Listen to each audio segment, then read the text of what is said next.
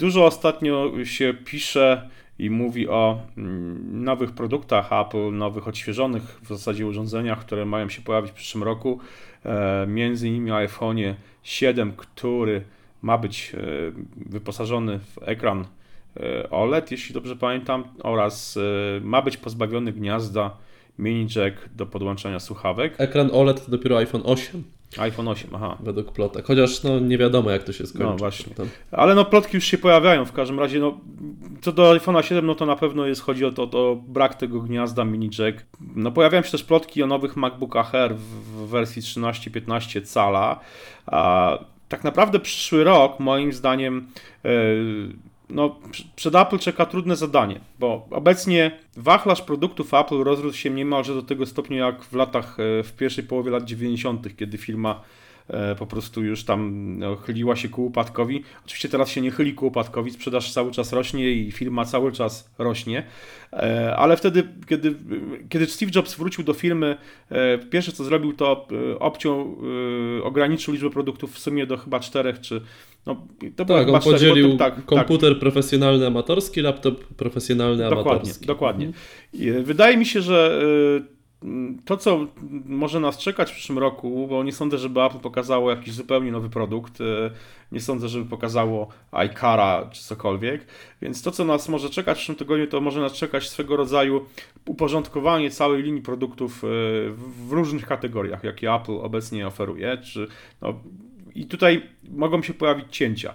E, pisałeś, pisałeś dzisiaj o, o tych nowych MacBookach Air. Moim zdaniem ja nie spodziewałbym się MacBooków R w wersji 13-15 cala, raczej spodziewałbym się e, końca linii MacBooków R, powrotu do tej podstawowej linii komputerów, czyli MacBooków Pro i MacBooków i po prostu MacBooków. Znaczy nazewnictwo tutaj y, jest jakby drugorzędne. No tak, ale... Ja bardziej, ale... ja, ja, bardziej się spodziewam jednak tego, że Apple nie będzie rozwijać tego MacBooka 12-calowego i MacBooki R jakby zyskają jego bryłę, zyskają jego mm, no, tą cienkość i tak dalej. No, no tak, tylko, tylko staną się już MacBookami, w sensie takim, że Apple zunifikuje jakby linię, linię urządzeń. E, czy nie będzie rozwijać 12-calowego? E, moim zdaniem e, no, mo możemy, możemy tak naprawdę spodziewać się jeszcze większej rewolucji, bo 12-calowy MacBook Air to jest w zasadzie niemalże 13-calowy, yy, znaczy 12-calowy MacBook to jest niemalże 13-calowy MacBook Air.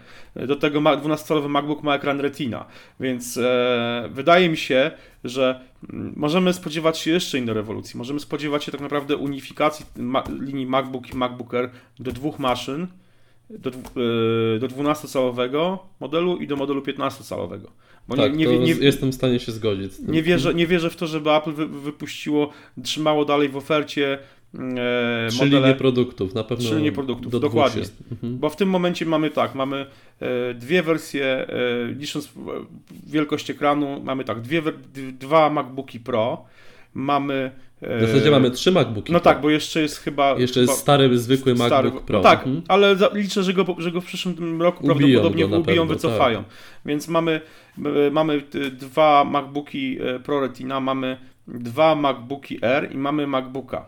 Więc mamy yy, sześć laptopów. No, plus ten stary jeszcze, no to sześć laptopów e, w wersjach 11, 12, 13 i 15 calowej to jest no, lek, le, lekka schizofrenia, więc moim zdaniem Apple e, może te komputery ubić do, znaczy zunifikować do dwóch, e, dwóch linii, czyli MacBooków Pro i MacBooków w wersji e, w przypadku MacBooków będzie to 12-15, a w przypadku MacBooków Pro 13-15. Nie zaskocz... znaczy nie byłbym zdziwiony, gdyby faktycznie do, takiego, do, takiego, do takiej unifikacji doszło. Podobnie no, może nas spotkać, wydaje mi się, mm, pewna unifikacja czy pewne cięcia w, w linii, w linii e, iPadów, bo no, iPad mini zaczyna być jakby no, ma ogromną konkurencję w postaci iPhone'a. Mm, Takim piątym kołem uwozu troszeczkę zaczyna. Mm, no właśnie. No, tak. no właśnie. Więc, znaczy, e, zobaczymy też, jak się będą sprzedawać e, te iPady mini 4 Mhm. Wydaje mi się, że już ta popularność tych. Bo iPad mini 2 się bardzo dobrze sprzedawał i iPad mhm. mini 1, no ale potem gdzieś powychodziły te większe, większe iPhony, albo ludzie też starali się jednak większego iPada sobie kupić mhm. i chyba faktycznie albo będzie to aktualizowane raz na dwa lata, albo całkowicie zniknie ta linia Mhm, produktów. mhm.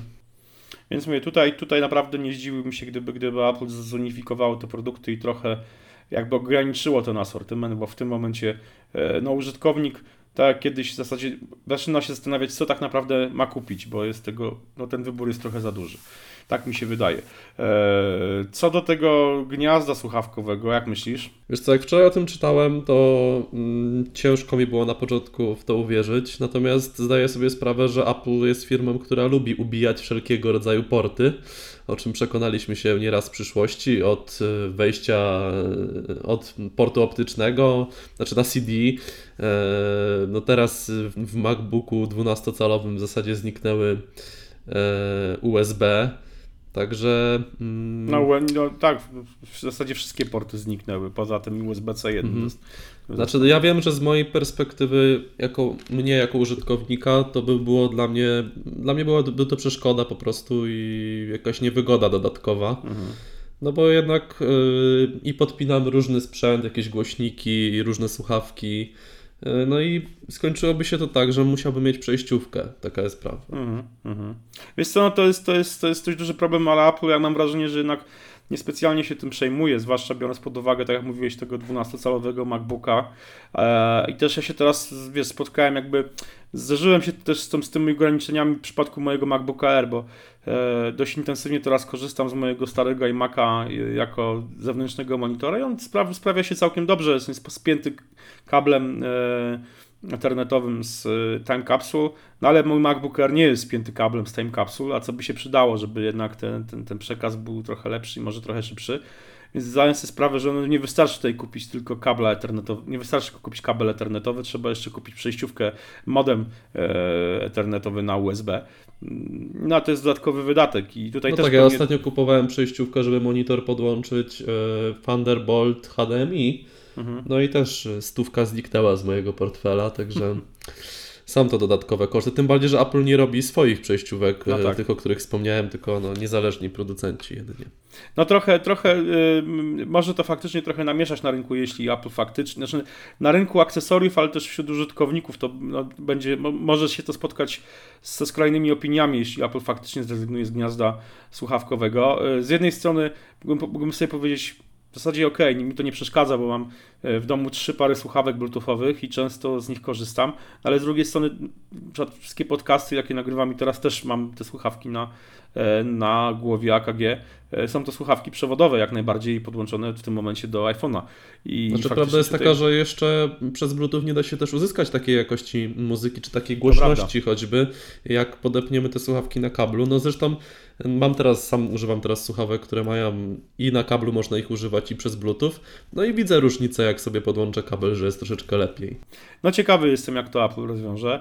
Zobaczymy. Według mnie, tak czy tak, przyszły rok to yy, Apple no, będzie porządkować sw- swoją ofertę.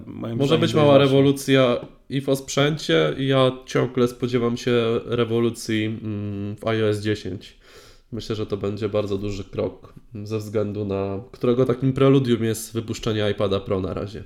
No to może być ciekawe. Też spodziewam się, że no, bo Apple będzie musiał tutaj coś zrobić w tym temacie, żeby ten iPad Pro faktycznie e, Stał był... się Pro.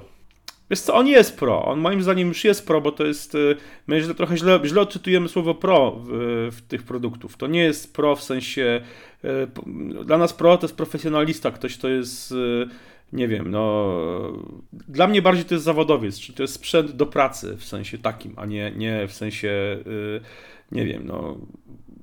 Super jakiegoś eksperta, kogoś, kto po prostu ma wyśrubowane bardzo pewne e, wymagania i ten. Dokładnie. Więc e, dla mnie ten sprzęt jest pro, ale faktycznie pewne zmiany w iOS, w iOS by się przydały, które jakby no rozszerzyłyby jego, jego możliwości, bez dwóch zdań. No dobra, słuchajcie, cie- ciekawi jesteśmy, jak, co wy o tym myślicie, jak e, ten przyszły rok będzie wyglądał, jak zajrzycie do swoich szklanych e, czy waszym zdaniem też, czy, czy, czy waszym zdaniem Apple faktycznie zrobi takie porządki? Moim zdaniem e, na to właśnie czekamy, na, na porządki e, w całym spektrum Ekosystemie. e, ekosystemie i w, w produktach tej firmy. E, No to na razie trzymajcie się do następnego razu. Cześć. Do usłyszenia, hej.